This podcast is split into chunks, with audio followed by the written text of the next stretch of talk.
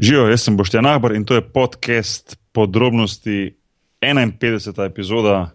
Na drugi strani linije pa tako kot vedno najbolj žametni glas centralne Evrope. Anže, kje si? ok, ne, centralne Evrope. Okay. Zdaj, zdaj si, a ti si zapisuješ te, da me boš obal na začetku.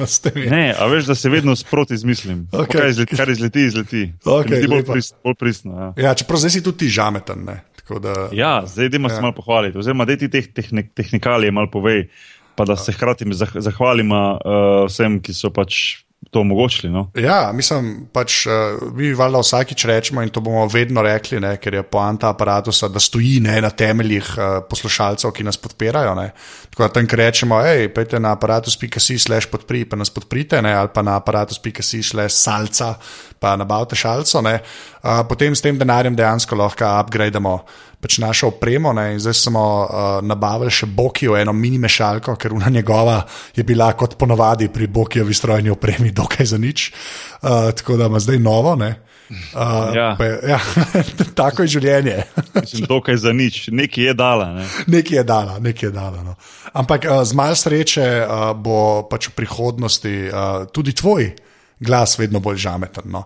In to res, full, full, hvala vsem, ki podpirate. Res, brez tega ne bi bilo tega. No. Tako, to je treba reči. Pač. To jaz vem, vsakmu podcastu rečem, ampak uh, vsakič čisto velano. Tako da, evo. Jaz upam, da je.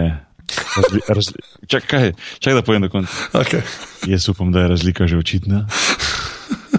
Moj glas je neprimerljivo bolj podoben Anžetovemu, kot je bil pred 14 dnevi. To je, to je res. Strudim se, trudim se na tej ja, strani. Okay. ne, ampak res, um, ko, šel, ko smo šli pretestirati, ko sem šel pač poslušati sam sebe, kar je zelo zoperno početi, uh, je razlika orang. Tako da uh, tudi v mojem imenu, fuh, hvala vsem tistim, ki na tak ali na drugačen način podpirate to mrežo. Um, res je, pred sabo imam tu Onyx Blackjack mešalko, ki mi jo je uh, Anže pač iz donacij zrihtel in poslal sem v Španijo. In, uh, lahko rečem samo ena velika hvala, ker pač uh, s tem nekako podpirate to, kar mi delamo, um, ta, moj, ta moj oziroma ta naš hobi, uh, ki ga pa konc, koncu na nek način delamo za vas. Oziroma, je nek krok tu, ne že. Circle of life, se temu reče. Tako, tako. tako. tako. tako da, um, full, full thanks. Um, Uh, bom, bom, v prejšnji epizodi smo govorili z, z Matežom Luzerjem o, o, o filmu Marsovec, uh, kjer pa je bilo možno pač tudi slišati, da, da zvok mogoče ni bil najboljši. Kar pa tudi, če bi že imel to mešalko, ni nujno, a ne, a veš, kaj hočem povedati, ni ja. bilo zaradi tega, a ne pač časih. Včasih nas Skype ne mara, gremo včasih, včasih, ko pač Skype nas ne mara, je pač treba ti Skype feed ponuditi, da se pač ne snemamo vsak sebe, ker do, mogoče malo tisti, ki se pač bolj to zanima. Pač ponavadi, kadar lahko vsak snima sebe in potem anže to zmiksa v en file in to super izpade. Kadar to zaradi takih pa drugačnih težav ne moremo narediti, uporabimo Skype feed oziroma Res Skype. Je? Skype feed, se pravi, rekel. Ja, se dobro sliši. Ja. Ja.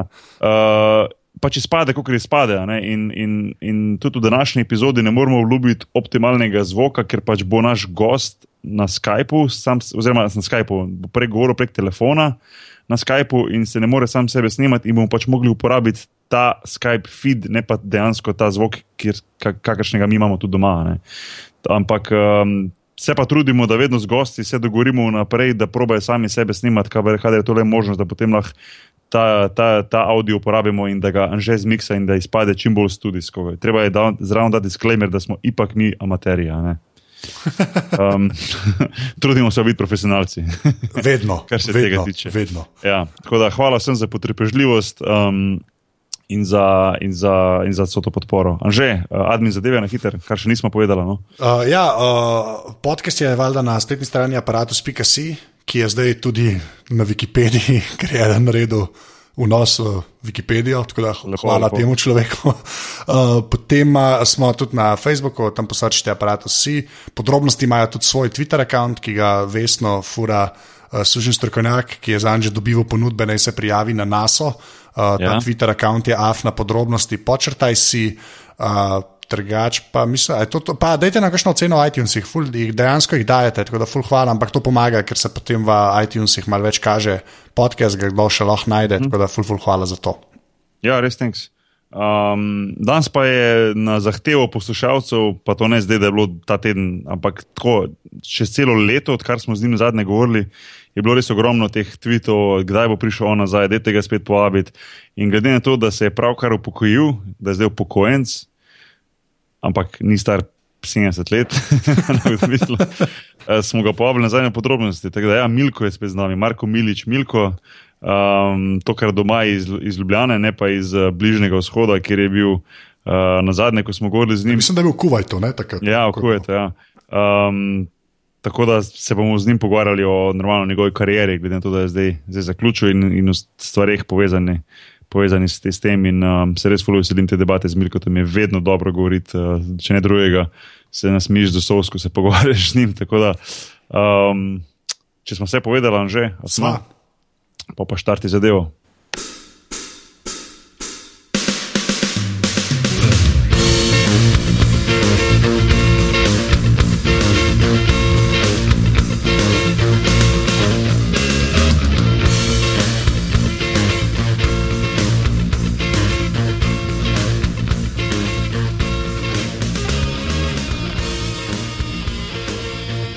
Okay, z nami je Marko Milič, Milko, zmotili smo ga lih pri gledanju usodnega vina. Milko, kje si? Evo, zmotil si me, na hiter, eh, zdaj se pogovorimo, da pol koncu jamam. ja, sam, uh, sam res, no, sej, to sodno vino, še z nažetom smo jih malo pregovorili, da je uh, za te naše boljše polovice, je kar, jih je kar prevzelo, no, treba povedati. Ja, zvečer imamo malo mira. Ja. Ja. Tiste eno uro, ali kako se traja. Še dobro, ja. da, si, da si potegnil tako, kot vse ta prave, te, te nanizemke na par mesecev. to, si, to, si prej, uh, to si prej dobro rekel, da vsi govorijo, da doben to ne gleda, vsi se vejo v nadaljevanki. vseh, vseh po imenah, vse kličejo. ja, pa, ja. Uh, drugače pa v Ljubljani si, mislim, smo te zmotili v Ljubljani. Um, ja, mislim, da je zmotilo. Ja. Sem vesel, da ste poglicali po dolgu cajt, sem doma. Ja. Dolg, ča, dolg čas sem se po svetu povedal, zdaj pa mal doma. Veš kaj je? Uh, Dobro, po eni strani je zdaj pač bilo malo, uh, ker si pač, da rečem temu, upokojil, je bilo malo več normalno, oziroma kar veliko govora o tem, Po drugi strani pa je, odkar smo snimali tisti prvi podcast s tabo, je bilo neverjetno folka, koliko je, koliko je folka hotelo, da še enkrat priješ nazaj na, na, na podcast, veš, da si še enkrat gost. Da, ja, hashtag Milko na Twitterju, kaj že. Milko na Twitterju je bilo, bilo, bilo, ja, to je prav, na Twitterju je bila prav cela štorija. Teda, hvala no, za to. In, uh, res je bilo ogromno teh, teh uh, prošenj za to. Smo končno zdaj smo rekli, bomo združili vse skupaj. Evo, tak en tak moment je, pa je, pa je fajn naneslo. Ja, lepo smo se zanj razgovorili, ja, res fino. Ja, ja. Um, zdaj, si, recimo, zdaj si že kar nekaj časa doma, uh, odkar si, da rečem, na zadnje vrgu uh, profesionalno basket, uh, da si vrgel žogo na koš. Um, kak, je, kak je feeling zdaj? ko si, ja. Si, ko si uradno upokojen. To, to me zanima, ker tudi mene to čaka, ne? nekega bližnjega dne. Masko se pripravlja, najtežji so še, še te meseci, tako se pripravljaš, pa nekaj vlečeš, da bi še malo igral, malo še čutiš, da bi. Uh, da bi lahko igral, ampak glava ti že malo drgamo leče, malo me punčka, moja familija. Ja, malo smo ga izgubljali. Milko. Evo me, evo me. Ja, da še enkrat, sorry, zgubil sem za 10 sekund. Evo, sem zavil z ceste. Ja. Ma to je zato, to, to je zato, Boke, da še par, da še par let igraš, pismo. ti si zdaj v top formi, sniper, pismo, jaz sedem trojk, ti zdaj v eni tekmi, dok sem jih za zadnje tri sezone, pismo. Tako da ti še dve olimpijade lahko potegneš kariero. Ni, pa, ni se pa lahko ločiti, le si sam viš, doskrat si zmatran, pa misliš, to je še zadnja, to je še zadnja sezona, to je še zadnjih par mesecev, ampak pol, ko se nekako regeneriraš čez poletje, pa, to, pa si tri, štiri mesece brez košarke, pa vidiš, koliko imaš košarko, košarko rad, je težko. Ne? Ampak, ko sem se nekako glavo preklopil, pač, da se sam poslavljam od profesionalnega igranja košarke, da bom v, v košarki, ki že celo leto v moje življenje uh, prisotna še, še naprej, v kakšnih drugih vlogah je bilo lažje. Ne? Ta čas, ta prepih, eh, ko se odločiš, da bi še igral, bi nehal, eh, je najtežji. Vse poje, ko se odločiš, nekako se odleže, pa glavo, glavo drga. Drugam ja. fokusiraš. Pa zdaj pa že par mesecev ne igram, ja, zadnje tekme sem znaš, brezo svojih skupaj odigrala, pa smo se dobro imeli tam Kuwaitu, tako da bi en fin zaključek karijere. Ja. Tukaj doma moram reči, da sem zelo lepo tole pripravil, se bo kar ga napravil, tako pika. To recimo, nekaj te moje najstnice, ne rečem poslov, vse se mi športniki nekrat. Tak, te stvari nam pomenijo, manj se emocije navijači, vse se hranimo z emocijami, vse nam je tu služba, vse živimo od košarke, ampak vse nam na koncu te, te spominčki nam naredijo toplo pri srcu. No. Ja, ja, no se to te bom pol še malo vprašal, glede tistega upokojite dresa pa vse to, ampak uh, ja, tako si sam rekel, uh, teh zadnjih, tudi sam pri sebi opažam, za te zadnjih par sezon, v bistvu pa ne par, mogoče lansko, pa zdaj to letošno ko nekako res misliš, a je to zadnja, a je to zadnja, pa pol letos poleti, sem recimo tudi jaz sam prvič razmišljal, da bi nehal igrati, recimo, ali ne, ker uh, iščeš nek, nek, ali nek motiv ali neko veselje znotraj tega, pa se mi zdi, da se vedno na koncu, dokler še lahko igraš, pa dokler si še zmožen, pa še lahko tako dobro igraš, da še uživaš v tem, se mi res zdi, da se prehiter neha, no? da, se prehiter, da bi se prehiter odločil. Jaz večkrat rečem, da, da z večino teh soigralcev ali pa kolegov, ki jih imam iz košarke, ki so se mogoče v zadnjih petih letih upokojili, mi je čisto vsak rekel, da je dokler lahko igraj, ker pač tak, te, tega življenja, ko ga zdaj poznaš, to pol v bistvu čez noč tega več ni. Veš, te, To druženje, potovanja, tekme, adrenalin, veselje, ne vem, žalost v porazih, uh, uh, utrujenost, ki, ki jo po nek način zdaj ne pogrešaš, pa je pol pogrešaš, in tako posebni feelingi so. No? Um, ja, ja. Se, se sam že dolgo časa nekako malo mentalno pripravljam na to. Ja. Ja, tako da um, tega bomo videli. No? Ampak, ampak, recimo, ampak zmeraj je lahko šokno, tudi vidim, da vse teh športnikov, zdaj je en kup enih upokojencev, pa malo njihove športnikov upokojencev, od, od Mazeve, Kozmosa, vidim Petkovška, Klele. Uh, težko je narediti tako rakane, si pol se nekaj časa loviš, uh, lažje je kasneje najdeš kakšno stvar, ki te veseli. Recimo, da, da te, meni je motiv, da najdem stvar, eh, ki bi me toliko veselila, toliko noter potegnila, recimo, da bi vsaj pol to, kar je bilo pri košarki. To bi bilo res neverjetno. Ne? Košarka zadnja 20 let, kaj se nam je dogajalo na igrišču, ob igrišču. To je res uh, bilo nekaj nevrjetnega. Tako da pač, uh, imamo to srečo, da lahko pišemo, uh, pač, da smo si govorili toliko eksistence zagotovili, da lahko pišemo stvar, ki nas bo veselila. To stvar, recimo, uh, da bomo mogli preživeti. In to je en plus, da športniki lahko imamo le pa pozitivne, pa pač, pač naprej. Ja. Zaenkrat so jim pa doma tako tam malo kopirali, tako tam malo kopirali, uh, so tu športnice, pa, pa te šole, pa tam malo igrajo tenis. Uh, da mi zdaj zmeraj žal med kariero, ko sem že rekel, pa kje si zmatran, napismo zvečer v Bosni, vse pravi sam par ur skodiš v službo, otroke razvoziš, zdaj pa samo ob sedmih, osmih zvečer, sem praktičen, sem praktičen njihov support, v njihovem boju živim, padem dol, kar pa je videl, recimo, da tudi našim ženam ni bilo lahko vsa ta leta pač biti naš support, pa še nas, vse veš, kako smo časah tešni, ko slabo tekmo, pismo je žena. Pa, pač na vse tam svoje gradce znašel, da je žena po krivici doma, doma v, v, v prenesenem pomenu besede, da sprostiš svoje frustracije, tako da, da nas trpijo sta, sta ta leta, pismo so tudi veliko vredne. Ne, si, sigurno. Pa jaz to, jaz to letos malo postopoma vidim, ker sem v bistvu zdaj prvič, ampak res dejansko prvič v karieri, kar igram pač profesionalno basket, da imam eno tekmo na teden, da ne igram zraven še neke mednarodne lige, ne? da igram samo pač recimo za špansko ligo in sem, sem futbol kot doma, veš. In vidim pri tamalih, recimo, ko je rekel, imam dopoldan trening, pa sem pol cel odkosila naprej, cel popoldan, cel večer tu s tamalimi, da sem zvečer bolj zjeban, kot pa če bi imel trening. In, uh, in uh, je bilo prav smešno, ko smo igrali, ko, ko je začela sezona, pa mi igramo prvo tekmo, pa smo pa en teden, mi smo frajo, mi pa recimo Barca, lih mi na eno tekmo, so igrali prvo tekmo Eurolige. Ja. Je bila, bila tekmo po televiziji ja. in meni Anka reče, prije pa reče, um, a ni tako ful čudno, da ti si kar tu zdaj. pa sem pa jaz rekel, pa sem rekel, ne, se če hočeš, jaz lahko spakiram, pa gremo v hotel prespači, bo tebi lažje, ker se navajna, da skozi potujemo, veš. Tako da, tak da v bistvu vidim, da je to kar en tak mali šok, no, ko si pa naenkrat kar skozi doma, pa verjetno res v najbolj pozitivnem smislu. No.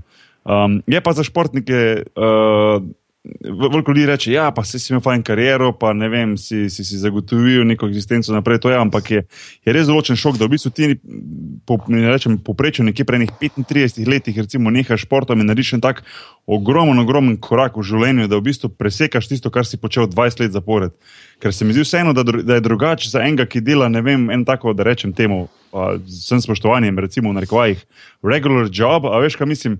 Uh, ko ja. lahko leče do 45, 50, 55, 60, ne vem, do konca do penzije, Uh, ti pa v bistvu, medtem ko si še nekako mlad človek, poln energije, imaš še cel life pred sabo, pa nekaj orang presekaš. Niso to lahki momenti, se mi zdi. No. Ne, ne, ne, s strahom zgledam na to, moram priznati, naprej. No. Um, Ja, te, težki, težki. Jaz sem, jaz sem tudi toliko časa cincov, pa na koncu sem vse preko pisal, Milko. Kar mi šlo pri pr športu na živce, so bili kakšni mali reve, pa so mali cinca, sem rekel, kaj je z mano, jaz sem isti, zdaj že 14 dni, 3 tedne cinca ma bi, a ne bi, a bi še vas, rekel, lej, treba se odločiti, ni, ni pa lahko, no, res, ne, res ni lahko. Tud, jaz sem, sem toliko še svež upokojen, zato tudi uh, ne morem še prav pametvati, kako se bom kasneje kasnej znajdel, pač grem z eno z eno dobro voljo, z neko popotnico, nekega znanja, 20 let karijere, se podajam zdaj nekam novim, novim izzivom na, na, pot, na pot. Na srečo sem ego toliko zadovoljil, da mi ne bo v napoto, da lahko začne mal nižji na hierarhični lestvici. Pa bomo, bomo pa videli, ni, ni hudič, da, da ne rade. Ja, ja. Ena stvar, ki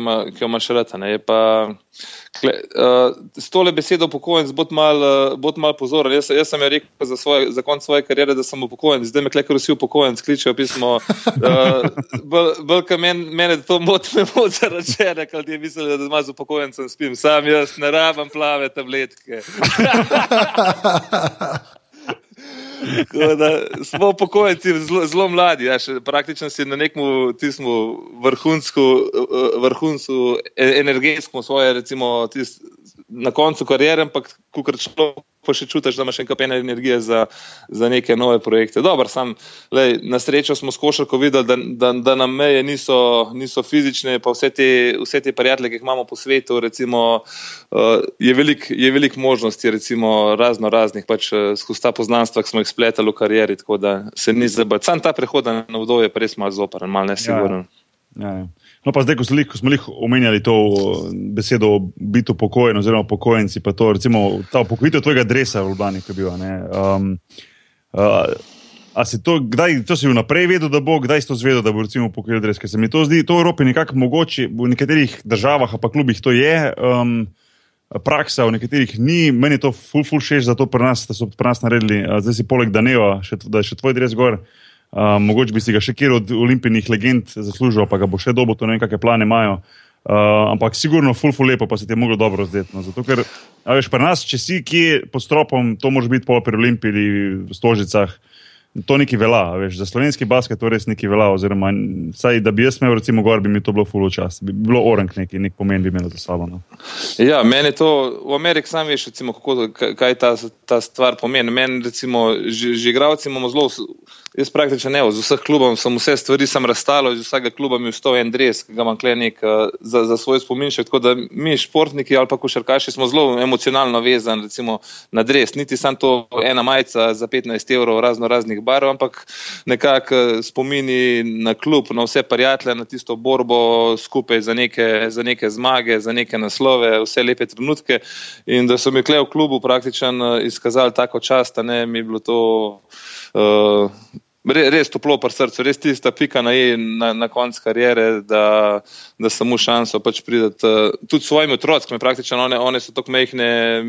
Zadnjih par let sem sam igral tam po teh arabskih državah, me sploh niso praktično razen dva, ki na televiziji videli v živo igrati, ne, da so prišle z mano, uh, pač z družino obdvigovanje tega. Je res ena taka čast, uh, normalna pa, da bi se še ta dres. Uh, Eh, zdaj so pač obudili to tradicijo, kar je zelo pozdravljam, je pa velika luknja, klemet, da ne vem, pa med mano je bilo še veliko, veliko eh, olimpijskih legend, kar po mojih bo tudi zdaj začel s to tradicijo pač malo za nazaj obujati, mm -hmm. pa jih ob mhm. razno raznih ali njihovih osebnih jubilejih ali kakšnih klubskih jubilejih, uh, sigurno še še gor pod stropom je še zelo veliko prostora. še placa, za, še placa. za, za, za sosede. Mi razumemo, da smo si prve parcele rezervirali, moj najboljši pogled. A sta čisto zraven semafori ali kaj? Se... ja, mene so dali zraven semafori, sem mal mlajši, čeprav lej. Uh, mi dva so si ure zelo dobro pogledati, tako da unik boste naslednji gor, da note pred senco na našo parcelo metal. Čeprav je ful bizarna, ker včasih, a veš, še ni bilo teh cifr do 100 če bojo fulu pokrovali, bo tako ene 17, 7 bo gor. Ta je kar smešno. ja, ta je. No, recimo, zdaj, če bojo recimo Vilfana, a ne, če se bojo odločili, recimo, da bi Vilfana dali gor, Petra Vilfana, ne. Ja, je, ja, ja. Je tudi ti spustil nek orang pečat v Olimpiji, on je tudi imel 12, a ne. Ja, ja. ja lej, moj dres je tam tako velik, da, da praktično bi bil še žile to proti, tako da lahko še nekaj na moj hrbet zraven. tako da on je, on je tudi siguren, on je tudi siguren legenda. Ampak lej, mi pa dobra stvar to, da če gledamo te stožice, ne, to je ena najlepših recimo dvoran, uh, dvoran v Evropi, pa, ampak med nami mal je brez duša. Ne, tako da tako stvar uživljajo, recimo pa po drugi strani pa recimo Tivoli nekako tehnično bil zastarel, ampak je bil stvar, ki je vsakmu slovenskemu, ne samo košarkašu, ampak športniku, nek en, en hram športa, prav, prav poko od zgodovine. In kle, recimo, mogoče, če se ta tradicija uživi, mogoče te mlade generacije bojo tudi, ko jaz imam. Videli to, da je nekako je nek spoštovanje do bivših uh, igralcev, ki so nosili pač olim, olimpijski dres, in bojo mogoče vem, tudi dalj časa tukaj doma ostajali, ne bojo tako hitro, že pri 15-16 rinali v tujino, mogoče se kdo tudi uh, ga v to motiviral, tako da je lepa, lepa gesta. Ne, to je sigurno, nisem, nisem neka teža, za, za, mislim, nisem neka priznanje za igralca, pa za njegovo kariero, ampak tudi daje neko težo klubu, konc koncev, da ti upokojiš igralce, ki so ti dali neki, ki, ki nekaj pomenijo. Meni se zdi to, to, da je lepo pač do igralca in tudi zelo pozitivno za klub, tako da res, res ful dobro. Uh, zdaj, sem, zdaj bo samo zanimivo videti, če bo še ostale slovenske klubi začeli to delati. Jaz moram vem, poklicati v Maribor, če bo kaj mogel dali gor. Lahko bi, lahko bi, kako se reče. Jaz niti približno nisem Maribor imel take karijere, niti Maribor nikoli ni igral take, na takem nivoju kot, kot Olimpija. Um, ne, samo to ima, to ima, to ima, pač ne, se stvar... prav, to z dušo, ne. To je res, to je ful dobra poanta, no? ker se mi zdi, da na tem bi se dal malo zgraditi, ne, veš, da nisem. Tako, da se ve, da se je to dogajalo, ker se mi zdi, da se fulkrat se pozapa, veš, da zdaj le en mulj, ki je star 12, ne. A veš, hvala Bogu za YouTube, da te lahko vidi kuca čez un avto. Ne. A veš, ker načeloma se tako, tako kar mal minejo te stvari, saj za ta male govorim. Veš. Tako, če gledaš naša generacija, se vsi vseh spomnimo, ne več ali manj. Ja, ja, ja. Tako, Ej, je, recimo, jaz sem zadnjič videl, eh, slučajno sem imel. Ja, ja, to imaš prav. To imaš prav. Ja, slučajno sem zadnjič videl na televiziji ta film, ki sem ga zamudil, ki je bil pred enim letom prišel, kaj bičemo prvaci sveta, ali kaj je že bil, ker je bila ta generacija Daneva, um, Jugoslavija, pa to, neko so ja, pomagali ja, ja, ja. Um, Američane in tako naprej. Uh, Potem šel, šel pa, ampak film sem mal, mal sem ga gledal, mal ne, nekaj nisem imel časa. Uh, in sem šel pa potem, kasneje, prav na YouTube gledati, in že to, ko si rekel, hvala Bogu za YouTube. Ne, v bistvu je gor prav tekma. Uh, prav prava tekma, ko so igrali takrat v Tivoliu, veš, Jugoslavija, Ame, uh, ta Združene države Amerike. Veš. Ja, in se šel ja, to ja. gledati, veš, in prvič v bistvu, veš, in to videti. Uh, Uh, polno dvorano, kako se to borijo, tiste brke iz 70-ih, veš. ja, ja. Kratke hlače, gor, da tega se ne jajce ven vidijo ob strani, veš. In pol, pol to nekako gledati je, je super. In uh, je res, recimo, ne vem, 20 let nazaj, um, pa mogoče kako leto več, nismo imeli te možnosti. Jaz sem takrat vedel, kdo je bil Ivo Daniel, ampak nisem imel možnosti iti na računalnik, pa v sekundi pogledati kaj je človek dejansko naredil. Veš, kaj mislim? Ja, ja. Uh, ja, ta tradicija bi se lahko tudi eh, kje druge prijela. No, jaz sem res lepo češčen, ki je praktično res Olimpijo smatram kot svoj klub. Sam ne glede je to zdaj tako stožice, kot nekaj na državni ravni, neka najlepša, največja dvorana, tudi drgele, tudi Mariborska eh, košarka ima neverjetno tradicijo. Je, meni je tudi žal, da mal je, je padla tudi recimo kranska košarka, triglo, recimo, tako da praktično ni, ni, ni sam velikost dvorane, recimo nekak merilo, kjerkoli, veš, da bi ti bilo toplo pri srcu, kjerkoli pa če bi, vem, če bi na tla ugravirali na beton, vem, na, na, na playgroundu, kjer si začel igrati v Dravo gradu ali pa zame v Kranju. Ja, ja, ni ta stvar, tako da ni nujen sam, da je pompozen, ampak eh, nekako je treba spet malo stvarem. Uh, dušo upikant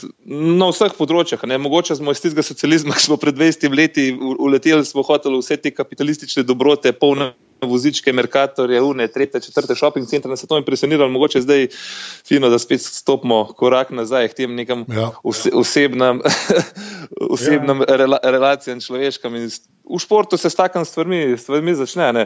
Problem bi bilo, pismo, če bi, če, prej si rekel za Ivo, ki se je igral v Unah hlačkah, če bi mi igrali v naših časih v Unah hlačkah, ki je bila ledena dvorana zraven, pa je bil sam knal v stenah, smo, smo, smo, po zimi, smo po zimi igrali v rokovicah z, z odrezanim tako blazincem, da smo lahko čutili žogo, recimo malo za rotacijo. Bi bilo treba, če, bi, če bi zdaj otroci gledali, ali pa ne otroci, okay, če bi kdo zdaj gledal une slike, bi skozi se mogli izgovarjati, kako je bilo hladno v dvorani. Pismo, ki bi imeli premehne hlačke.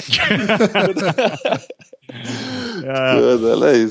Ne, ne, je, je, treba, biti ponosen, se, se, treba biti ponosen pač na, na zgodovino, ne, ne, ki jo imamo, ne, ki jo imamo vseh klubov. Definitivno. In to je treba tudi uh, to je treba dati na nek To treba dati na, nek, na nek, neko mesto, da se, da te stvari vidijo. No, in, ja, si, recimo, ti si mi rekel za Maribor. Zanj sem bil slučajen na, na Brniku, tam malem igrajo tenis in me en gospod, ki tam, ki tam legenda že 70 let, me je pelil v neke sobane je vedel po imensko vse igralce, tudi zmago Sagadin, ki je bil tam, pa Pero Vilfan, ki je začenal. Za 60 let nazaj mi človek bi mislil, da se ne bo zapomnil nočnega žal, pa tudi imensko ga ne bom izpostavil, da se ne bo tri imena ult zapomnil od leta 40 do, do zdaj mi vse ekipe tam po imensko naštel, pa sem videl, da ima tako čala, da uh, vse igralce po imensko naštel, pa sem videl, da ima tako čala, da ne mora spodaj uh, imena prebrati in mi z drhtečim glasom razlagal, kaj se je tam vse dogajalo, pa da zdaj malo ja. zapirajo tisto dvoranco, da, da hočejo vršiti iz tiste pisarne ven vse te slike, ker hočejo ne, neko, neko naumnost, neko kongresno halo, neko spet eno čist brezosebno stvar zgraditi.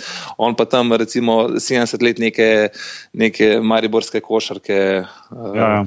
Ne, to je škoda, recimo, sploh, sploh Maribor je taka zgodba, no, ker uh, Uh, mislim, vse je super, da, so, recimo, da je krka tako močna, kot je pa Laško, je bil v svojem času, to, ampak Maribor, da ni uspel nekako držati koraka, recimo vse s krko, pa, pa s temi klubi, ki so nekako Evropu pa to igrali. To je meni men fulžavno, ko sem v bistvu uh, te mladinske pogone dal skozi v Mariboru, ker je dosti veliko mesto, da bi lahko to recimo imel skozi. No, ogromno ljudi je tudi v Mariboru, ki imajo res srcem radi košarko. Sam, ja, se spomnim še reprezentance, ki smo igrali, kako je to. Ja, ja, ja.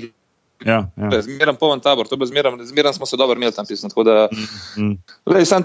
Mogoče je tudi, tudi kakšna kriza dobra, da malo pride do očiščenja vseh teh ljudi. Pa, uh, kot bi, bi mene, moj prijatelj rekel, podgan prekorito. Tako da mogoče pol, če, se začne nule, če, se, če se začne iz nule, se lahko spet kakšna zgodba, še posebej, če ima tako zgodovino, kako je, se Mariborska ali pa klele, recimo Olimpina ali pa recimo Kranska košaka, ne, to so zgodbe, ne, zdaj, zdaj sem zmislil 50, 60, 70 let neke, neke zgodbe, čist drugače, kakšne te instantne zgodbe zdaj, se dogajajo v Sloveniji, pa tudi druge, kakšni klubi, ki pride en, en sponzor, pa v, v dveh letih hoče pridati iz neke lokalne lige, v Euroligo, pa pa po, po treh tekmah vidi, vid, da to ne gre, izstop ven in sam in svoj kapital, klub pa strmoglav v četrto ligo. Ne. To se ne more ja. primerjati te zgodbe, Mariborska ali pa Kranska ali pa ta recimo Olimpija. Ja, ja. To so vse ena klubi z neko tradicijo, pa težo. Ne, ne, so sigurno. No. Uh, je pa to, hočeš prej, ko smo govorili o tem drevesu, pa Olimpija, to, da je pač. Vse jaz vem, da je težko v Sloveniji, pa vse je s financami vedno povezano. Ampak recimo jih ta, ta marketinški del, mogoče malo na splošno v slovenskem športu pogrešam. Sploh, ko enkrat igraš tujini, pa vidiš, kaj vse se dela, pa koliko ljudi dajo to noter, da, da ima kljub dober imič, veš, na to podobo od zunaj. Jaz ne vem sicer, koliko Olimpija dela na tem, uh, ampak sem tako, kar sem doma, pa kar se pogovarjam, se mi zdi, v primerjavi s temi klubi, ki so recimo istega ranga kot Olimpija, mogoče še vedno še vedno ne dost, ali pa delajo, pa enostavno ni toliko interesa, oziroma se te stvari toliko še ne primljajo pri nas, no, um, kot se mogoče tudi. Jaz ko se izpostavljam, recimo Nemčijo, ko sem bil gor, recimo v klubi, ki so manjši od Olimpije, z manjšo, z manjšo zgodovino, z manjšo, moram reči, tudi znanjem in kvaliteto, konc koncev. Pa se recimo s primerljivim budžetom delajo z marketingom neverjetne stvari. Igravci so dejansko zvezde v tistih svojih mestih, ne vem, 100, 200, 300, 500 tisoč uh, prebivalci, ki živijo tam. Uh, Uh, in, in delajo to en res tak prav in zdrav način, in, in privabljajo folk v dvorani, ki pol normalno nori na tribunah. Pa ne glede na to, s kom igrajo. Veš, ne, ne pridejo gledati samo tisti, tisti, da pride najboljša ekipa države, ampak dejansko hodijo gledati svoj klub, kar res ful pogrešamo v slovenski košarki. Uh, ja, sploh, ja. Recimo Olimp, sploh Olimpija, ne, ki, ki je imela. Tudi ko si igral, mislim, takrat se spomnim, da ti volijo, nismo mogli dobiti karte, pismo nikakor, ne, ampak tiste bila res generacija, oziroma par let, ko je bilo res neverjetno. Ampak malo zatem, pa, pa pol, ko sem jim od 2000 let naprej, pa malo problemi, pa sem tja, lih takrat bi se mogoče pričakovalo, da bi se pa še bolj zagrabilo. Je pa v bistvu, kaj enkrat ni bilo več tistih vrhunskih klubov, oziroma kadar so bile normalne tekme, ni bilo skoraj dobenega na tekmah, pokaj pa prišel pa internet, ko se je bilo pa nabito. Veš, je, Polis, to sem že večkrat rekel, pa se vprašaš, koga hodijo gledati na več. Ja, ja, ja, to je še malo ljudi. To, to mogoče malo, malo, se malo mal pogreša, oziroma jaz malo pogrešam no, v slovenskem klubskem, klubskem basketu. No. Um, Milko, recimo, zdaj, ko gledaš nazaj na to, na to tvojo kariero, kaj, kaj, kaj smatraš pri sebi za, za, za najboljše, najboljše leta, pa najbolj, najbolj, rekel, najbolj, na kar si najbolj ponosen no, skozi skoz svojo kariero, ki je bila pismo, ne, prek 20 let, verjetno, ne profesionalne kariere. Oziroma, koliko sezon si sploh odigral, sploh veš, koliko si sezon odigral profesionalnih. Ja, lej, pr, se veš, kako sem nas hiter uh, v ogen že porinal. Že pred 16 leti sem bil nosilci. V, v Triglavu tam sicer. Ne moram, moram reči, da, da, da sem igral profesionalno, čeprav sem dvakrat na dan treniral, da sem tudi kakšno šolo šprical, kar ni pohvalno zdaj, da govorim uh, klele javno. Uh, ampak takrat je bil že nek prva slovenska liga, četrta, peta ekipa smo bili, ki je bila liga zelo, zelo močna. Bil že, bi lahko rekel, že, da je bil recimo moja prva sezona profesionalnega pogona, če ne bi bil za zadnje tri, tri mesece sezone plačan za vikotov krompirjem, kot kompenzacijo štipendije. Takrat, takrat če rečemo, da ta pravi profesionalizem je bil pa 17 let, no, sem podpisal, zdaj je Ljubljanska sramota pa razvalila tiste Belvi, včasih je bil pa to en tak prestižen hotel in tam sem s pokojnim legendarnim Mivotom Zorčičem, pa Rajgal je bil, pa, pa Sagadin. So mi dali na 17. rojsten dan simboli, simbolično tistega zmaja. Zmajčka ga še danes doma čuvam, en tak mehen kipac in to je bil nekako ti simboličen moj skok. Tvojimi prijatelji, tisti malo bolj grob profesionalizem. Tako da Pa pa le, bolj, bolj kot neke statistike, pa samo neki svoje naslovi, pa klubi, se mogoče spominjam teh, teh ljudi, pa svoj igralcev, trenerjev, tudi vezi z navijači, kaj se nekakšni tek so bili hišniki ali pa ljudje iz ozadja, recimo mi veliko bolj toplo, recimo pri srcu, se spomnim, kaj sem iz, iz Italije, Španije, Amerike, kot ne vem, samo nekih mojih zakocavanj pa teh tekem. No. Ja, tisto, tisto bolj nekako polostane, se mi zdi, to, to je res. Ja, ja, ja tudi zdaj, se recimo vidimo, skaj s temi fanti. Pa malo izgubimo kontakt, vmes se še slišimo recimo, po telefonu, pa pa izgubiš kontakt, ampak tudi, ko se par, čez par let vidimo, recimo, sam tisti pogled, ki se spet iskrca za iskrik, se spomnimo, ko smo sedali skozi, pa se objamemo, recimo, te stvari so mi nekako več kot neka. A to, ako, v kolikih mestih si pa bil zdaj v vseh teh letih, a to veš tako? Až da si mogel dejansko se seliti, to so se tudi z Bokijem že doskrat pogovarjali, te selitve so zmeraj epske. Sam, a veš, koliko si zamenil? Ja, sigurno, če bi, če bi preštel, bi vedel. No, ne, ne bi te mogel izstreljati, ja, zdaj z glave. Bi, ja, če bi pet minut vse, vse klube preštel, pa. Uh, Pa ni bilo to problem, dokler, dokler sem bila sama zvestna, to, to so bile kuče potujoče, dva, dve borše, vzamemo pa gremo. Ne. Ja, valjda. Ja. Zdaj, za, ko so se pa tam male, to je pa ena organizacija, pa treba vrtce, šole, a se, a se bo družina petčlanska klimatizirala, a se ne bo, pa nam pa. Košark je pa tako hiter, pa še posebej v teh državah sem zadnje čase igral, če je kaj narobe, hiter pokaš, kot tujci domov in uh, je bilo bolj pritiska. Prej tiste, tiste prve leta v karieri sploh nisem neke te operativne stvari, kot so selitve, polno razmišljal, sam da so zvestno so bila nasmejana, kjerkoli so bila, sam da se je igral, tako da kasneje. Sam se je malo zakompliciral, recimo, ko imaš malo daljšo prikolco s sabo. jaz, jaz, sem naštel, jaz sem naštel 13 uh, mest različnih, s tem, da pač normalno nisem štel, recimo, Olimp, mislim, Orbljano sem štel samo enkrat, klubu, klubu je bilo več, oziroma selitev samih je bilo več, ne, ker si recimo Olimpiji igral, ne vem, štirikrat pa tako naprej, veš kaj mislim. Klej sem pet stanovanj za meno, pisal. ja, to, to je bilo, to je bilo polkar neki, neki selitev. No, to je, pa se mi zdi, da za, da za nas je to še ne, mislim, za nas to niti ni tako težek del, za nas mislim kot še kaše, bolje za družino, pa za recimo žene, pa za tiste, ki so. Ki so z nami, uh, mi, si, veš, mi gremo na trening, mi se oklopimo, pri nas se začnejo tekmovanja, se koncentriraš na to, pri njih je pa ta life, pa na novo spoznati prijatelje, pa okolje, pa uh, kje je to, kje je uno, kje je lekarna, kje je bolnica, kje je trgovina, veš, ko imajo vse to često, je pa čist drugo. Ne? Ja, um, jaz sem se, jaz sem se čez, čez noč čist posod oklopil, za tam malo je bilo pa doska čok. No, jaz se spomnim, sem jih tam v Bologni v neke vrce, tako dosti hude privat vrce, so vsi rekli, dobro, jaz sem jih uvajal, pol je bila pa Sem tam bil en tak primer, recimo, jaz sem se zmeraj takoj vklopil, vse veš, kako je, s fanti hitro navežeš, stik, če priješ nekaj svojega z odprtim srcem, pa da se priješ kaj boriti, pa pomagati, se hitro navežeš stika. Enkrat se spomnim, sem pelil, mi je bilo pa bolj težko, kot sem gledal, ko sem imel probleme, vesna pa tam malo. Enkrat sem pelil nek zelo dober privat vrtac tam malo.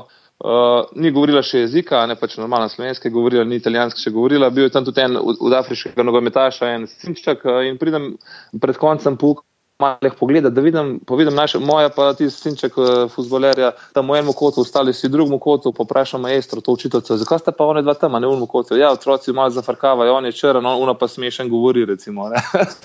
veš, ja, otroci so ja. sicer, sicer iskreni, ne, ne moreš zameriti, ne, sam recimo pa, pa tisti joko mesen, kaj je, dva, tri tedne, dokler se aklimatizira, malo začne govoriti in uh, oni, so, oni so imeli malo. Uh, malo več problemov. No, za nas veš, kako nam vsi, vsi pomagajo, pa dokler, dokler terapijo, da, da zadaneš 7-7 trojke, kot prejšnjo tekmo, veš, veš, da nimaš, veš, da nimaš enega problema. Ja. Ko je, ja. Ko je 0-7, je malo večji problem. ja, sej, ja, sej, jaz sem začel sezono 1-10, veš, trojke, v prvih treh tekmah, pa, pa so pa je bilo po strani pogledov, pa, pa je bilo po uni tekmi, bilo pa vse v redu. Pa, ja, ja, to je, to je hitro tek, ja. Um, te poje zdaj kličejo dizel, malo rabe, da se ogreješ, pa, pa ne prideš. ja. um, kaj pa je, če bi recimo, če, recimo, če te vprašam, kaj, kaj te recimo skozi kariero košarka naučila, oziroma kaj te je basket naučil, kaj, kaj bi znal, kaj bi povedal, recimo, spoh, recimo, če bi te tam mladi to vprašali, veš, kaj, se, kaj je ena stvar, kaj si se recimo naučil uh, skozi, skozi kariero, kaj ti je basket dal. Me, me, zdaj, Zdaj le vidim, toliko časa že temu, da so ti nek, neko odrekanje, neka, neka disciplina, neka, neka motivacija, pa vse te neke stvari, ki to iz leta iz le, v leto, iz dneva v dan, ti kar rade nek, nek normalen stanje. Ti spohni po vseh okrog sebe so, so, zelo, so zelo podobni. Tako da zdaj še le vidim, da to ni normalno, da si čisto vsak dan, da, da imaš glavo v neki tenzi, da razmišljaš, kako moraš živeti za neke svoje osebne ambicije, klubske cilje, družino razmišljati. Pač, da je, da je vse v redu za vse skupaj, pač eh, eksistenco zagotavljati, se prebijati. Bil pa že zelo odgovoren, zelo zgodaj. Tako da praktično ja. 18-19 let, ko greš sam, tako da nekako pač biti motiviran, pa vse reskirati za eno stvar, pač pomeni, to usredotočenost. Tako da to v ja. kjer koli sfero recimo, bi se prenesel, po mojem, taki ljudje. Recimo, zato, bi, zato bi mogli, po mojem, več te športnike pač, uh, izkoristiti, kaj sem tudi, imajo že te neke karakteristike, ki bi bili dobro pač, biti zaposleni v kjer koli sferah, kjer koli firmah, v športu, kjer koli pač ustanejo, da se jih ponudca. To je bilo, po mojem, večja rešitev.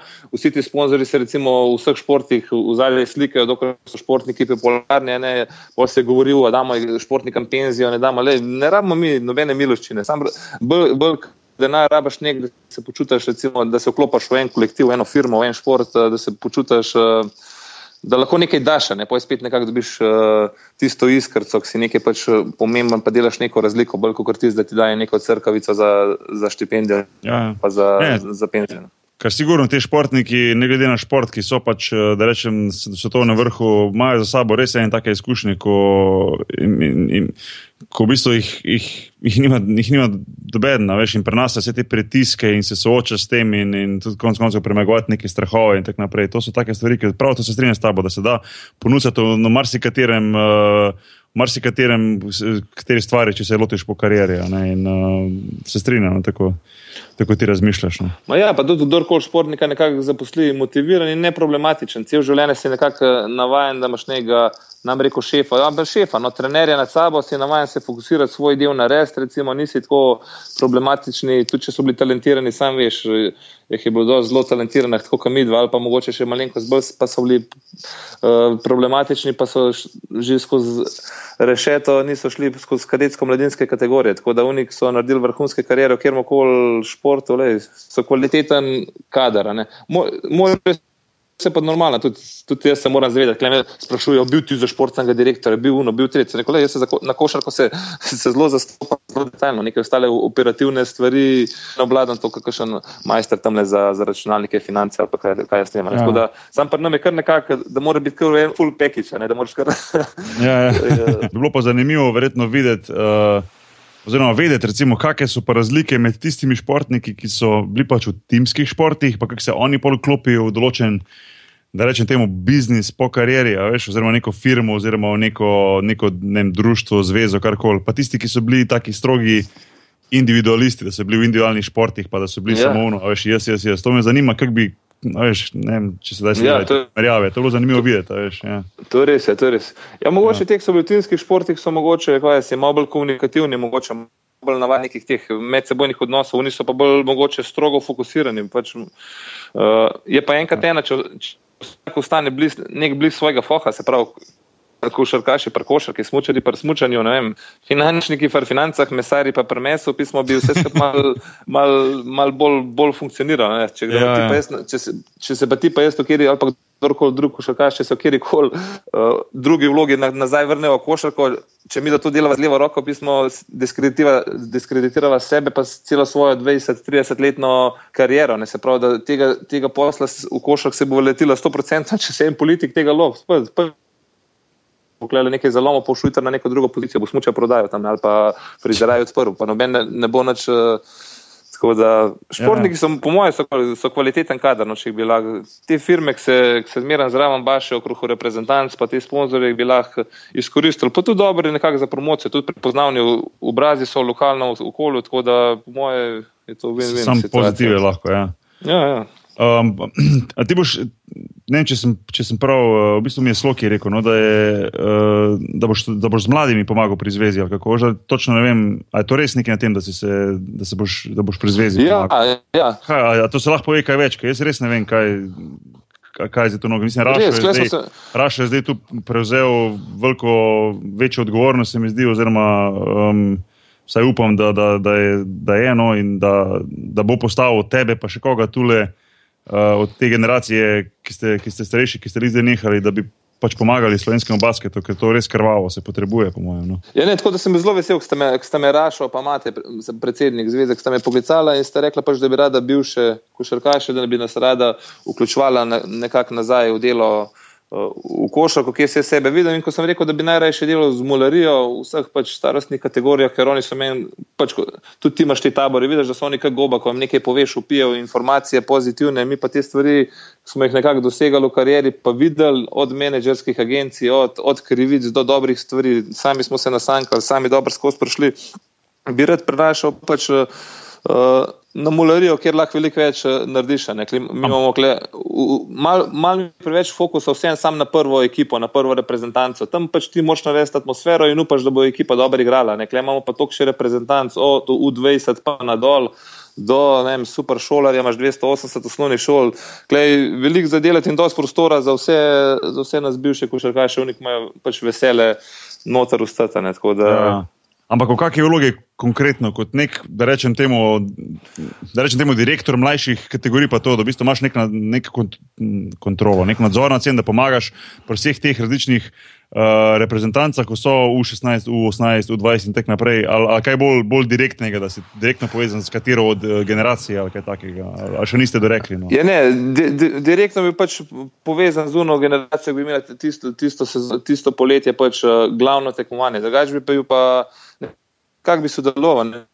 Kaj je en supervisor, kaj je ne, ni neke, ne bom rekel športen direktor, to je neka kravatarska funkcija, ki Ja, ja, gre to, zraven. vem. recimo, Saj tudi meni ta- pisar, pisarna, mi, pi- pisarna bi mi bila biti na terenu po celi Sloveniji, pač uh, malo tudi s trenerjem se pogovarjati, s trenerji se pogovarjati in dati mogoče tudi malo uh, samozavesti v zadnjem, da se ne bojijo sam za, nekak, za svoj rezultat, pa da vrtijo 30 akcij, zato, da, da, da bojo peti, ampak da je njim večji uspeh, če v mlajših kategorijah naredijo noga, nagbarje, dragiša, punda in da, da jih učijo spet malo individualnih stvari, da jih navdušijo nad, nad košarko, bolj kot to, da jih že začnejo učiti akcije pred 12 leti.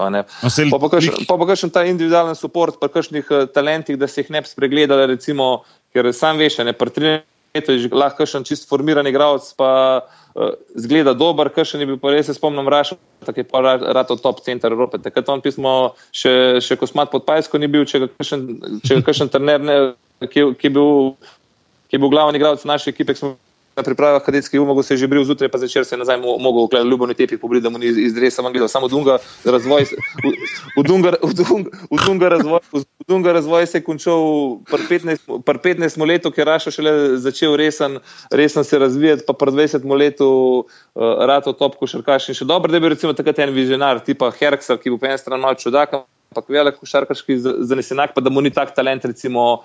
Šel, ja. Uh, šu, šumim njega. Ja. Ja. In pol so ta selekcioniranja po regijska po cel Sloveniji, bi malo sodeloval in uh, da nam vsi ne pobegnejo v odbojko, pa rokomet, fanti, ti ta visoki, da, da jih Ja, ja. bomo tako zadržati. Tako, no, ta, tak, taka funkcija, tako, vse- splošno. Pač, ne. Ja, sploh zdaj, ko je v bistvu odbojka res naredila nek, nek orenk rezultata. Ne? V bistvu v drugi Evropi, uh, jaz sicer uh, moram priznati, da se na odbojko ne spoznam, pa, pa, pa ne vem, kako je to primerljivo recimo z košarkarskim drugim mestom. Um, kaj je lažje, kaj je teže, lahko pustimo za kako drugo debato. Ampak vseeno, prav si rekel, veš, Slovenija ima določen bazen pač mladih. Uh, fantov, pa tudi punc, če govorimo o, o športu kot, kot celoti. In, in ni to zdaj ena, ena, ena Španija, ena Turčija, ena Francija, pa ne rečem ena Rusija, veš, ker imaš ti toliko, pa toliko maso otrok in, in tiste talente, ki so, ki so visoki, ki so uh, spretni, ki imajo neke predispozicije za košarkaše, ti se treba res zadržati v košarki. Um, če, če pokažejo to voljo, pa ta interes pri mladih letih, ker prehitro pa lahko vsak odide. Veš, se veš, tako si sam rekel, uh, poleg odbojke, pa, pa rokometa, pa še ostalih, ogromno ostalih stvari, ki, ki, ki jih danes mlade zanimajo, tudi izven športa. Ne, Ja, ja. Ja, pa se pa še, pa še zelo hitro, da naše, vse se je prnam tuži, ampak rečemo prnam, da, da smo že vseeno malo bolj formirani, pa 18, 19, tam so se začeli menedžeri uh, vključevati. Zdaj pa vidiš, da pri Tamalah že pri 14, 15 smo klele letijo, k, k orli klele okrog, okrog pa iščejo te mulce. Sam doska ti mulce ne vejo, da, da so te menedžeri, oni so samo kos mesa, pač, da je par euro, evrov provizije, da jih tako gledajo, da, da je doska ne gledajo pač, pač idealen na njihov uh, razvoj, v katerem letu je najbolj idealen, kjer je klub, ampak pač gledajo, kar skozi, skozi oči provizije. Tako da teh, z, z nekimi nasveti, mogoče bi tudi čisto vse, če ti, čisto drugače, če ti rečeš nekaj, ali pa jaz, ali pa raša, recimo, rečemo temu mulčku, ki smo sami na svoji koži naredili dosti napak, pa tudi dosti dobrih stvari prišli skozi kukaren, da nekaj na približen govorijo. Ne, tako da, ja. tako da to bi, to bi rad, to bi rad, da nekaj smo se začeli zmeti. Fajn. Uh... Ne, je pa zanimivo, zdaj, ko si jih omenil, te agente. To, recimo, če daš, daš skaute še zraven v to. Se spomnim takrat, ko si ti igral v Olimpiji z 17-18, ko si pred tistim NBA-om, ko si šel v Ameriko. In se prav še spomnim, da je bilo v časopisu, oziroma teh mogoče športnih, športnih eh, časopisov, pa to da je bilo prav, recimo, je pisalo, ne vem, čisto na pamet govorim, Olimpija igra z, ne vem, z, ne rečem, Panetinajkosom, na, na tribuni pa bo tudi scout, uh, el, ne vem, Clippersov, veš, to je bilo takrat, fuck, veš, pizda. Ja, ja. Pride en scout, prije za, čak, ta ti bo šel na avion in bo prišel v Slovenijo gledati, veš, to je bilo res takrat oranke, to sem jaz, uh, sem tudi ja. zanč. Jaz sem tudi zadnjič rekel, no, da si tudi ti, pa, pa to ne da bi tebi preveč urit lezo, ampak dejansko si res nam vsem vrata odprl, da si v bistvu postavil Slovenijo na mapo, ker pred recimo tabo, pa pred Rašotom, ne rejam, da se jih neki strlo skautov v Sloveniji. Veš, videl si nekako odprla ta vrata in je bilo tudi po recimo Brezi, pa Benotu, pa Men, pa Sanju, pa vsem tem, ko smo bili draftirani, pol tudi lažje, ker so že poznali. A ja, valjda so rekli, a veš, Olimpija, Slovenija, ne vem, Ljubljana, e, we know, oje, a veš, yeah, yeah. živeli, ne. Um, ampak ja, hočem povedati, ta razlika je orang. Ne, zdaj v bistvu verjetno pride na vsako, ne morem reči na vsako, ampak na dosti tekem, recimo, če ne Olimpije, in spoha Jadranske lige, imaš ogromno skavtov, verjetno teh regionalnih posega in to spoh se ne, se ne govori več o tem. Včasih je pa recimo, če en skaut prišel iz ene NBA ekipe, je to bilo, ja, ja. piso je pisalo. Veš, to, ja, je to je bilo, to imaš prav, ko, ko, da, ko da je papež prišel, jaz, ko, ko, ja. skau, ko so ti skauti prišli, sem jaz zmeren ta lepe štumfe, pa frizuro na piskar, dal gor pismo. Se pravi, da, da, sem, da sem se okrog po glavu bril, še danes mi je roda, kakšne frizure sem nosil. Povrh sem opustil lase, kot reče južna brača, pokazavač možga. Ki je skaut, pa se je treba pokazati, ja, zdaj je pa ja. res, to je zdaj rad. A, a ste zmerom vedeli, da so skauti tam, tako so vam zmerom rekli, da se je kdaj tudi zgodilo, da si špil, pa sploh ni svedel, da je kdo na tribuni. Ma, ni jih bilo tokno, un, eden, dva, ki sta bila od Clippersov, pa od Bullsov, je bil z našega konca tale Dukan. Vem, da se mu je njegov prstan, ti šampionski svet, tako da, da, da smo več kot unga diamantnega bika gledali, kaj une košek so se dol spustili. Da, ti, ti smo vedeli, ja, ti, ti smo vedeli. Da, ja, ja, ja. ja, takrat je bilo drugače, se pravi, takrat je bilo, takrat so bile velike stvari. To so bili taki. Uh, taki orang, mogoče malo zdaj preveč poetsko, ampak so bili taki orang premiki tisto. No. Veš, res so bili, no. ker takrat predtem ni bilo, predtem, kje se kdo sanja v NBA, da bo šel Slovenc v NBA. To je bilo, mislim, to sploh nismo govorili o tem. Ja, največ, ja, ja. največ, kar je bilo iz Evrope, je Detlef. Ja, Detlef ne, pa smo gledali na, D, na DSF kanalu vsako nedeljo, je bil basket oddaja in Detlef je bil ta glavni in njega smo si gledali, ja, Seattle Supersonic. Točno to. A veš, a je resno, a veš, ja, pa, dobro, ja, ajde, ja. dražen, pa divac, pa te legende, to itekno. Um, ja, res, res. res. No, ampak uh, hotel sem te to vprašati, Milko. Um, ok, recimo za KZS je tako, ampak recimo, kaj pa na dolgi rok, imaš, uh, imaš, imaš, kak, imaš kak cilj še v življenju, ali, ali v bistvu si, si, bom rekel, te glavne cilje, kar si jih zadal kot, kot mlad otrok, da si jih v bistvu že dosegel. No? Uh. Cilje cilj imam velike, svoje šport, musam, da sem si ti svoje športne nekako. Uh, uh, svoj ego uh, zadovoljijo. Predvsem zaradi tega, ker sem dal zmeraj vse od sebe. Zdaj, a bi kje lahko več dosegel, ne, normalno, da bi lahko, ampak dal sem čez celo kariero vse od sebe. Lušten mi je rad, tako zaradi tega, zaradi tega sem miren. No. Išem pa nekaj, zdaj, za nekaj časa išem nekaj pač v naših logih, da bi bil doma, predvsem zaradi tega, ker bi bil red uh, raz. Družino. Zdaj so oni so se meni prilagajali 20 let, zdaj bi pa jaz tukaj nekako support svojem, svojem tam malem. Oni so, kot smo mi za basket, so zdaj ta ki dve jela patara navdušenje na tenis, sem to trenirala vsak dan po dve, tri ure, hodijo na te tekance. Te, tenis je rekel, ne tenis očice. Uh, uh, nekako svoje, ne, ne bom rekel. Ja, te so čisto noter, ne, po dve, tri ure na dan hodijo na turnire, tako da uh, zdaj, zdaj, dokler so v teh letih razvijajočih se, bi vrati pač z njim doma. Ne, pa pa kasneje, ko je pa šla doma, uh, zdaj, zdaj, zdaj so tudi fanti začeli hoditi, zdaj, če še noben pride, ko odprem vrata, sem brš. pa se pa ta velika dera, kdo je pa bil, ma ni bil, vem, ni bil. Ker Robert De Niro tam v filmu, bi smo ga čekirali. Uh, uh, tako da te, te krizne leta bi vrati malo zdaj, zdaj z družino, poj kasneje bi pa imam pa tudi še ambicije, kakšne malo bolj. Uh, zdaj pa zaenkrat so punčke v spredi, tudi žene po dolgem času postavlja 20 let, da imen hrbe držali. Pa nek svoj tak, tak salonček, lepo tam se punce malo uh, družijo, pijo kavico, lepša, tako da zdaj bo mal njim upora, poj kasneje pa. Ej, a, a, a, a, ta male pa nikoli niso imele želje, neke, da, bi, da, bi, da bi basket igrali, da jih je tenis bolj potegnil. Pa to, da ne, da ne me narobe razumel, jaz totalno. Recimo, ker sem tu dve punčke, tudi jaz nimam nikoli v basket uh, silo, kar koli, uh, tisto, kar bo to same hotele igrati, če bo sploh šport, bo te igrali, če ne, ne, si mora sam vsak zbirati. Ampak me samo zanima, tak, recimo, ni bilo nikoli, da bi se sprobali v basketu, ali so vse probali, pa ni šlo, ali jih sploh ni zanimalo. Veš, e, ni jih toliko zanimalo. No, kle, v začetku smo jih dali malo tako na igranje za tenis, pol jih je pa to tako potegnilo k nas, da nam je praktično kar, kar naenkrat je meratalo tako, da so začeli bolj resno trenirati, pa ti tekme hoditi. Pa, uh, Sicer so nekaj probale koša, ko je ne dva katjet, pa ta velika bi lahko igrala. Ta velika je, ta velika je zrasla v enem letu, pa zdaj 17 cm, velika je 185, pa zelo koordinirana, tako da lahko bi igrala, recimo, če bi jo veselili. Ampak je tenis tok noter potegnil, jaz pa tudi takoli sem forsiral. Meni men med nami mi še boljše, recimo, da niso šle v isti šport, kot mi. Ka, ja, ja. Vem, že tudi v karieri ene par teh sinov, ukvarjam se v Italiji, Menegim, pa tudi tukaj Jaka, da ne so bili odlični igravci, pismo pa vse so jih primerjali nekako s svojimi fotri, pismo, vse je dober sam sam fotor je bil pa tako dober. Se, recimo, kaj si se spomnim, se spomnim Andreja, tam je bil odličen igralec, še celo s Fučkom sta si razdelila eh, MVP pismo enega, enega evropskega prvenstva, ki je bila Italija prvak, pa je bil. Bomo šli tako na živce, ki je skozi nekako fotovi senci, ki pač v istmu fohu, kot Dino, legendarni. Ne, bil, ne. Ja, ja, ja. Jaz, sem, jaz sem še vesel, kaj sem tudi, tudi mene te treninge, tekence, zanimivo gledati. Pač športne karakteristike so iste, sam nekaj, nek drug okolje, druge tehnike, drugačne igre. Tako da le, sem vesel, da, vesel sem, da so najdele stvari, ki jih je potegnilo. Mene je to največji uspeh, ko vidim tam malo, da, da moramo klele z Ljubljane štartati uh, ob sedmih zjutraj, ker imamo devetih že tekmo v Mariboru, ono pa se sama zbudi brez budilke zaradi adrenalina, tako kam mi recimo, pa hitro gre dol, pa prežge risanko, pa gleda Frančka, v levi rok pa drži, uh, v levi rok pa drži supergo, pa, pa, pa, ja, pa, pa zobotrebac pa daje. Pa daje kamenčke ven iz superge. Recimo, se pravi, po eni strani je otrok, po drugi strani pa šport tako potegnil, da daje kamenčke ven iz superge, zato da je nao recimo drsel na, sami, na samem terenu. Se pravi, razmišlja že, uh, ne da bi jaz recimo, te stvari rekel, tako noti je z glavo, tako kamil, ki nas je košaka potegnil. To je, to je meni največji uspeh. Zdaj, dokdaj, pa kako dobre bojo, čeprav trenutno so odlične za svoje kategorije, bomo pa, bomo pa videli. No, da, ja, ja.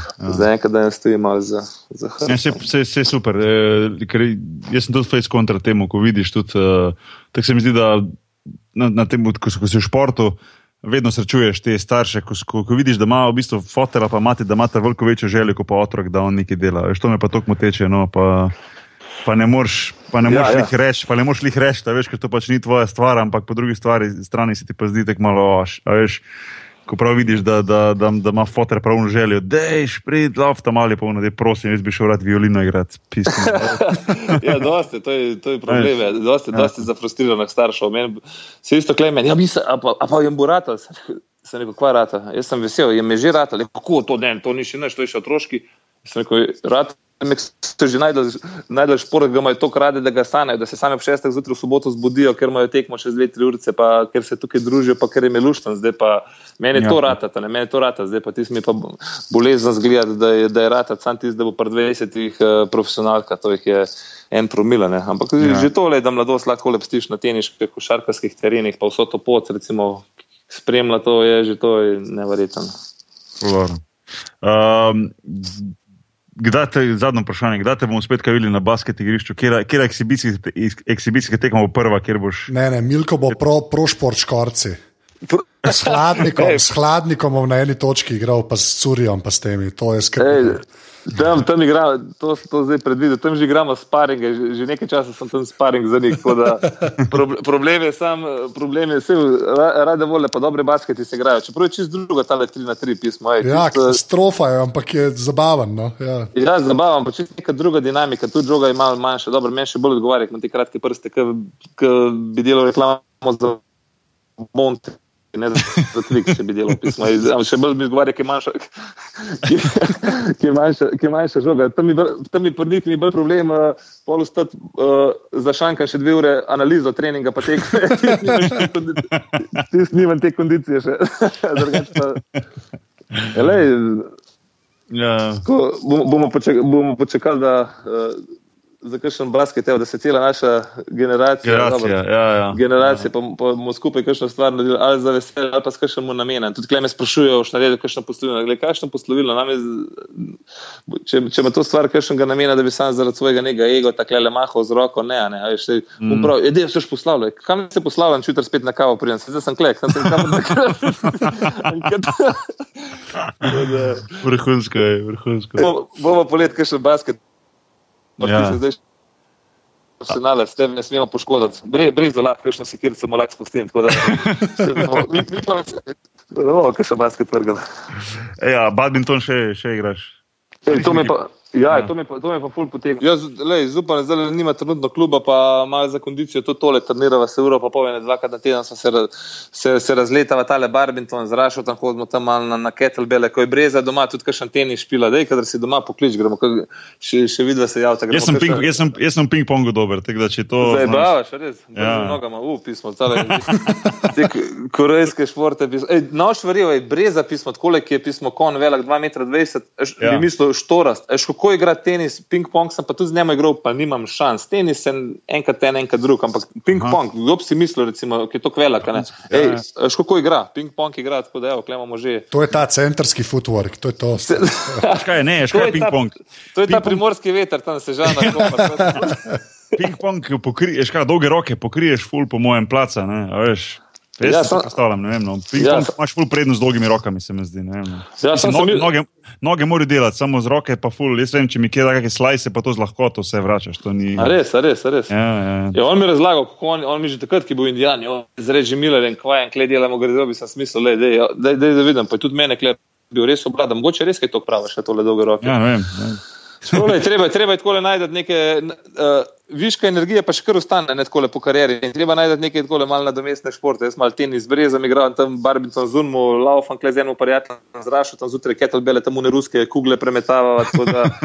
Vsak, da, vsak dan si treba dobro dober zletati po prešvica, da po en dan pridem, da tudi uh, žena bolj prijazna zgleda po otroci, tako da ko se malo bolj mira. Vsake čas. Ej, Milko, ful, ful ti hvala no, za, za, ta, za ta pogovor. Res, ja, uh, nač, nač, super, sem ful vesel, da smo se ja, slišali. No. Dobro, res, no, uh, Samo ja, rekel, rekel, ja, ja, prid na Twitter že, no, ker to že prezir. Ki po enem letu zdaj ni poga, ne bomo dobili. Zdaj bo že spet dobivala tvite, to vsi vemo. Ja. Zdaj bo vsi že spet žil, pa spet bo hashtag Milko na Twitteru. Pač, dajmo to sprovesti. Vse lahko narediš, račun pa pol pozabiš, sem to, da je stari. Ma ne, moraš biti žuren, jaz sem dinozaver, jaz že tele, jaz že tale, že tale iPhone sem kupil, sem mislil, da sem zebel, da mi niso dali tipkovance zraven, sem šel nazaj reklamirati. Tako da ni to, te, ko se oglaša, se rade vole na pirček ali pa na kavico, da bi pa ne basket, tele moderne, pa nisem. Ja ja, ja. najbolj še domačno. Mogoče čez kakšno olimpijado, dve, tri, štiri, pet. jaz ti lahko lah za konec rečem, res en velik respekt za kariero, pa hvala vse, kar si naredil, ker si bil tudi thanks, dol, thanks, dol uh, in, in tudi si, si mi pomagal, da sem jaz. Po treningu smo ustajali, pa zakocavali, pa smo bili kot, kot Milko, tako da full thanks. Vsake čas, thanks, ja. ej, thanks, Bog je, ja, mi ja. veliko pomen. Ej, nač, ja. full sem vesel, da smo se slišali, ajde, držite se. Ej, ajde, hvala ti. Smo stari. na vezi. Ajde, čau. Ajde, čau, čau, čau. Ok, to je bil Marko Milič, Milko. Uh, jaz upam, da je bil tudi vam tako fajn uh, poslušati uh, Milko, ker res dejansko vedno nas mi in vedno ima. Uh, Ma kaj zanimivega zapovedati, iskreno zapovedati, pa zraven tega še malo doda, kako tako, kako tako zabavno foro. In, um, uh, Milko, full thanks, res, da si, da si si trgal to uro časa. Um, Se zdaj ima cajt, ki je upokojenc. Zdaj je zelo cajt, ne, zelo Ja, cajt. ja. Zdaj, zdaj, razumeš, zdaj ga bomo na kakem ping-pongu, ki jo lovili. To pa to. to, pa to. Uh, če, a ti igraš ping-pong? Uh, mislim, znam ga igrati, če to kaj pomaga. Ne? Ne, ne pomaga. ker Okay. Ja, sorry, profi, sorry, profi. Nisi, nisi ta rang, nisi ta rang. No, no, no. Čeprav to bi bilo vrhunsko, ne? Te ene deble udariti, pa vsi dva metra veliki. To bi, to bi se poklal, bi se.